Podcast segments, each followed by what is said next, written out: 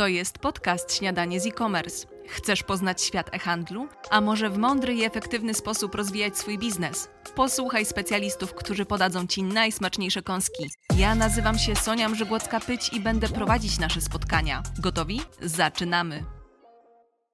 Dzień dobry, szanowni słuchacze. Bardzo cieszę się, że jesteście z nami ponownie tym razem w odcinku specjalnym. Odcinek specjalny będzie wyjątkowy, dlatego że chcemy poruszyć bardzo bieżący temat, odpowiedzieć na bieżące potrzeby rynku. Temat naszego dzisiejszego spotkania to, czy korzystanie z czatu GPT w e-commerce jest zgodne z prawem. Gościnnie Rafał Malujda, radca prawna i Dusel. Cześć Rafale. Cześć, dzień dobry.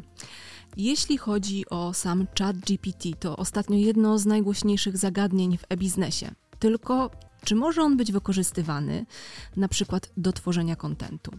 Jakie zagrożenie niesie ze sobą korzystanie z czatu GPT w e-commerce? Czy warto szukać oszczędności, a jednocześnie się narażać? W smaczny i zjadliwy sposób opowie nam Rafał Malujda. Rafał wytłumaczy nam, jakie są wątpliwości prawne związane z wykorzystaniem czatu GPT w e-biznesie. Rafał jest radcą prawnym i rzecznikiem patentowym. Od lat zajmuje się problematyką prawa nowych technologii oraz współpracuje z grupą IAI. No to Rafale, zacznijmy od podstaw. Czym właściwie jest chat GPT i z jakich mechanizmów korzysta? Chat GPT jest na pewno od strony biznesowej i funkcjonalnej fenomenem, też ze względu na, można powiedzieć, zaskakujący i przełomowy y, sposób wejścia na rynek. Natomiast od strony technologicznej, Chat GPT to chatbot, który wykorzystuje model specyficznego języka GPT w wersji trzeciej, no teraz już od wczoraj, 15 marca 2023 roku y, mamy dostępną wersję czwartą. GPT to skrót, akronim od, od nazwy angielskiej Generative Pre Trained Transformer.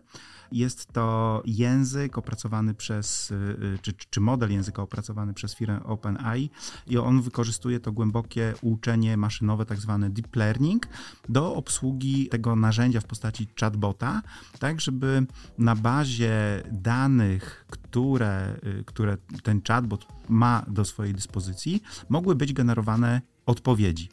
Od dnia wczorajszego funkcjonalności zostały rozszerzone nie tylko pod względem ilościowym, e, mówię tutaj o ilości przetwarzanych czy generowanych wyników, ale także pod względem jakościowym mamy możliwość prowadzenia i generowania różnego rodzaju wyszukiwania obrazowego. Mhm. A jeśli chodzi o sam czat i jego wykorzystanie w biznesie, czy właściwie to jest zgodne z prawem? Bo coraz więcej słyszy się o tym, że ludzie z e-biznesu na przykład tworzą content w ten sposób. Tak jak zasygnalizowałem na początku, czat GPT y, zmienił czy zrewolucjonizował y, już w wielu aspektach, począwszy od grudnia 2023 roku, podejście do różnego rodzaju produktów i usług, czy możliwości kształtowania produktów, usług, pisania kodu źródłowego, pisania różnego rodzaju opracowań, to z perspektywy prawnej na pewno, i będziemy o tym za chwilę rozmawiać, łączą się z tym duże wyzwania, Natomiast punktem wyjścia jest to, że na dzień dzisiejszy, czy też na dzień prowadzenia tej usługi przez firmę OpenAI, czy upublicznienia tej usługi, my korzystaliśmy i korzystaliśmy z różnego rodzaju, powiedziałbym, systemów wspomagania. Czy to były elektroniczne translatory, elektroniczne tłumacze y, oferowane przez bardzo wiele firm, w tym również bazujące na sztucznej inteligencji, czy co najmniej na tym deep learningu, czyli głębokim uczeniu, czy wykorzystujemy różnego rodzaju generatory grafik, obrazów, to można powiedzieć, że do tego rodzaju narzędzi, czy do klasy tego rodzaju urządzeń jesteśmy przyzwyczajeni, czy też już z nich korzystamy. I powiedziałbym, że od strony prawnej wątpliwości prawne, czy też legalność korzystania y, z takiego narzędzia zależy od tego, do czego i w jaki sposób my y, z tego narzędzia korzystamy. Nie można bowiem powiedzieć, że kij baseballowy jest złym narzędziem. On jest złym narzędziem, jeżeli jest wykorzystywany poza boiskiem do określonego rodzaju sportu. Y, tak samo jest z czatem GPT. Mówimy tutaj o wątpliwościach związanych z tym, jakiego rodzaju dane powinniśmy czy możemy wprowadzać do tego narzędzia i w jakim zakresie powinniśmy bazować bezkrytycznie i bez zmian na danych wyjściowych. I wokół tego, powiedziałbym, obraca się y, główny kierunek dyskusji. A czy są już jakieś regulacje, które mogą określić wykorzystanie czatu GPT w e-biznesie? Bazujemy tutaj przede wszystkim na przepisach związanych z um, uczciwą, czy też kształtującą uczciwą konkurencję, czy prawie autorskim. Oczywiście pojawiają się coraz bardziej zaawansowane, czy, czy, czy nowoczesne grupy przepisów. Mówimy tutaj o, o nowych rozporządzeniach w Unii Europejskiej, które również dotykają tego obszaru. Natomiast zasada jest podstawowa. Wprowadzając dane do czatu GPT, musimy pamiętać o tym, że zasilamy y, jakiegoś rodzaju mechanizm naszymi danymi. Jeżeli prześledzimy regulamin tego narzędzia, to stwierdzimy, że oczywiście to, co zostanie nam przekazane jako materiał zwrotny y, na bazie tych zapytań, oczywiście będzie nam przysługiwało, czyli też my możemy dalej to wykorzystywać. Oczywiście, jakiego to jest rodzaju licencja, czy jakiegoś innego rodzaju uprawnienie, to jest na ten moment dyskusji wtórne. Najważniejsze jest to, że my do tego będziemy mieli prawa. Natomiast musimy zadać sobie dwa pytania. Czy aby na pewno nie przekazujemy zbyt dużej ilości danych wsadowych, czy te dane wsadowe, które przekazujemy, nie są objęte jakiegoś rodzaju tajemnicą, czy y, chociażby biznesową, czy dane, które przekazujemy, nie są danymi osobowymi, bo tego rodzaju narzędzia sztucznej inteligencji mają to do siebie, że one żywią się danymi. Ten głęboki proces uczczenia bazuje na tym, że dzięki określonym algorytmom bazującym, czy też chodzącym po coraz większej ilości danych, wyniki pracy tych algorytmów są coraz lepsze, bardziej precyzyjne i coraz lepsze. I wracając teraz do e-commerce'u, jeżeli nie jako operatorzy stron internetowych, jako sprzedawcy, jako dostawcy kontentu, nie wprowadzamy tajemnic prawnie chronionych, e, czy też tajemnic naszych wewnętrznych firmowych, to możemy z takiego narzędzia korzystać jak najbardziej. Natomiast dyskusja dotyczy tego, w jakim stopniu powinniśmy bez żadnych zmian w całości wygenerowany content, czy to content marketingowy na nasze social media, czy content związany z opisem towarów i usług na y, stronę naszego sklepu bezkrytycznie przeszczepić.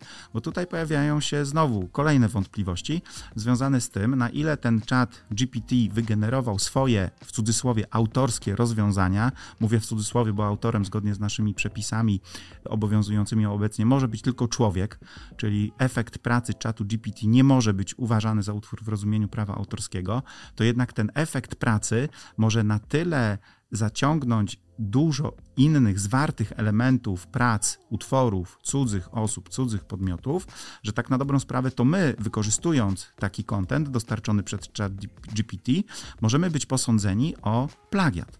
I to jest tak na dobrą sprawę y, jedno z większych wyzwań na dzień dzisiejszy. Bo oczywiście stanowisko, zgodnie z którym efekt pracy czatu GPT, polegające na tym, że uważamy, że nie jest to utwór w rozumieniu prawa autorskiego, jest, jak e, na pewno się Państwo domyślacie, jednym z obecnie funkcjonujących od grudnia 2023 e, roku poglądów. Spotykane są również poglądy, z których wynika, że jakiegoś rodzaju ochrona, nawet być może autorsko-prawna, powinna tego rodzaju utworom przysługiwać.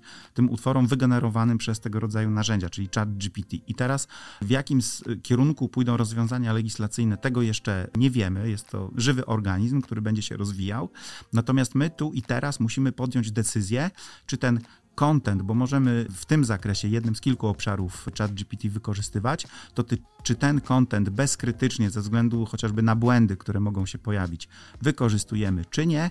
Dwa, powinniśmy się zastanowić, czy traktujemy to jako inspirację, czy rzeczywiście jako narzędzie zastępujące naszego copywritera, ale tutaj bym postawił duży znak zapytania w przypadku, gdybym ja miał podejmować biznesową decyzję. Mhm. A jakie zagrożenia niesie ze sobą zastosowanie czatu GPT w e-commerce? Oprócz tego plagiatu, o którym mówi, mówiliśmy, czy jeszcze są jakieś zagrożenia, czy to właśnie to plagiatowanie? I jeśli zostaniemy w jakiś sposób oskarżeni o plagiat, co nam może grozić? Jakie kary mogą za tym iść? Mhm. Tutaj powiedziałbym, że jeżeli chodzi o zagrożenia, to jest to jedno z najistotniejszych y, zagrożeń, aczkolwiek nie chciałbym, żeby efektem y, naszej rozmowy było zdemonizowanie tego mhm. narzędzia, bo samo w sobie to narzędzie y, jest dobre i pozytywne. Zwraca się uwagę na ten aspekt plagiatu z tego względu, że jest to jakby w pierwszym ruchu plagiat, naruszenie danych osobowych czy naruszenie różnego rodzaju tajemnic, takim najbardziej namacalnym ryzykiem korzystania z tego narzędzia. Drugie zagrożenie, już bardziej biznesowe, no zobaczymy jak to będzie w praktyce wyglądało, na ile sprzedawcy będą wykorzystywali to narzędzie do generowania chociażby opisów czy treści na swoje strony internetowe i na ile te opisy zaczną być najzwyczajniej w świecie do siebie podobne. Natomiast to już mówimy chyba jakieś o takim podejściu user-friendly do, do naszych interfejsów graficznych i, i, i generalnie treści, którymi zasycamy strony, no bo chcemy się wyróżniać, chcemy, żeby nasze strony, nasze sklepy były coraz bardziej atrakcyjne, zindywidualizowane i różniące się od kontentu konkurencji. Z pozytywnych aspektów, czy też z obszarów zastosowań, które możemy wykorzystywać w praktyce, warto wspomnieć e, też o innych, które jak najbardziej chat GPT może wspierać. Możemy integrować e, chat GPT zgodnie z jego nazwą i natywną funkcją, powiedziałbym, do e, obsługi mechanizmu czata, czyli integracji interakcji z naszymi klientami na stronie naszego sklepu. I to podnosi się, można powiedzieć, od pierwszych dni y, funkcjonowania takiego, y, takiego rozwiązania, szczególnie, że można to rozwiązanie integrować z innymi obszarami naszego sklepu, ze stanami magazynowymi, z dotychczasową bazą wiedzy, chociażby w zakresie typowego faku, czyli pytań i odpowiedzi, które były udzielane klientom, konsumentom, tak żeby ten mechanizm trenował już też trochę bardziej na naszych danych i w zakresie tym podstawowym, prosty, udzielania odpowiedzi na proste pytania, coraz lepiej sobie radził. Odciąży w tym zakresie na pewno nasz skład osobowy, który obsługuje klienta, a jest to, powiedziałbym, takie natywne, pierwsze skojarzenie do, do wykorzystania y, te technologicznego tego czatu. Drugi obszar, o którym możemy myśleć, to pozyskiwanie danych, czy też zbieranie danych branżowych na bazie określono, określonych zapytań, właściwie skonstruowanych, możemy pozyskać wiedzę, o czym się w danej branży, w danym momencie, w cudzysłowie, mówi.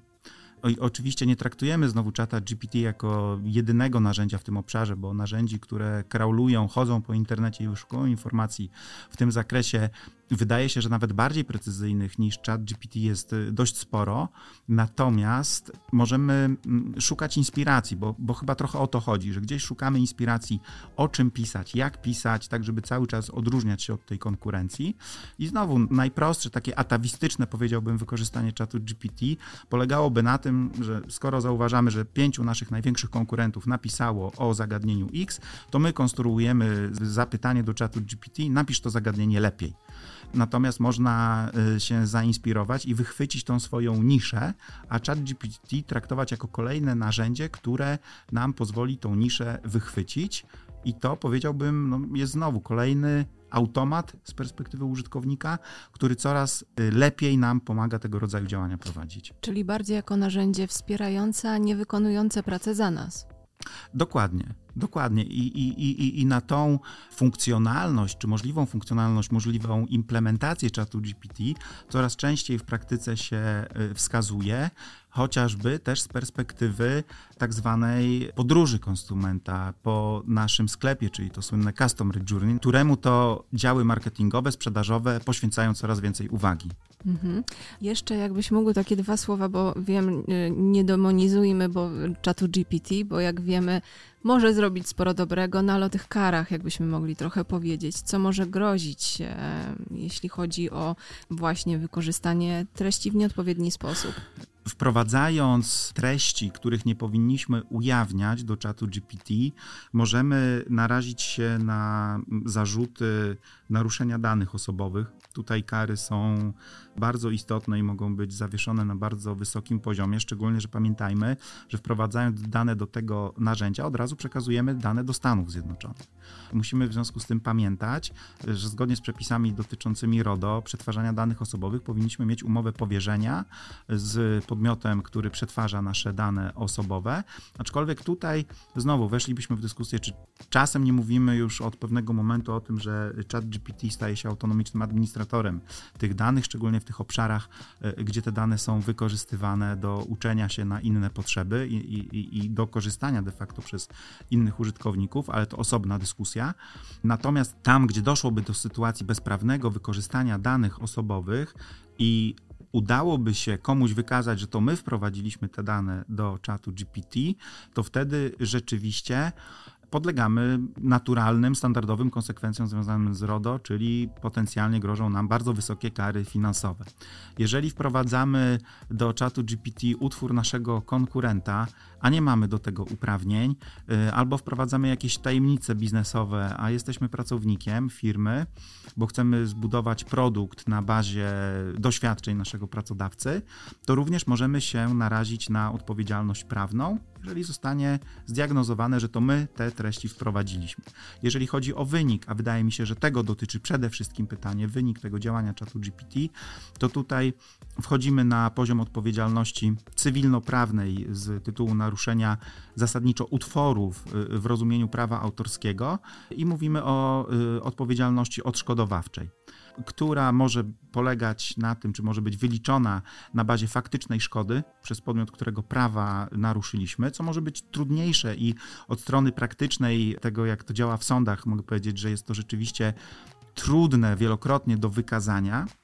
Tak, przepisy dotyczące prawa autorskiego czy generalnie prawa własności intelektualnej posługują się też kategorią e, jednokrotności lub krotności opłaty licencyjnej, która byłaby należna, gdybyśmy my od danego podmiotu tą licencję zakupili. A to już jest bardziej namacalne, łatwiej kwantyfikowalne, mogą wchodzić w grę wysokie kwoty i tutaj odpowiedzialność jest łatwiejsza do, do wyegzekwowania również na poziomie sądowym.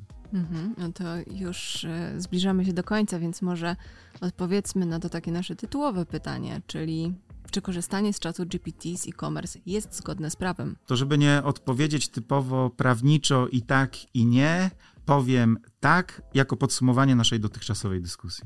Okej. Okay. Dziękuję Ci bardzo, Rafale, za arcyciekawą rozmowę. Dziękuję również. A Państwu mówię do usłyszenia. To jest podcast Śniadanie z e-commerce. Chcesz poznać świat e-handlu? A może w mądry i efektywny sposób rozwijać swój biznes? Posłuchaj specjalistów, którzy podadzą Ci najsmaczniejsze kąski. Ja nazywam się Sonia Mrzygłocka-Pyć i będę prowadzić nasze spotkania. Gotowi? Zaczynamy!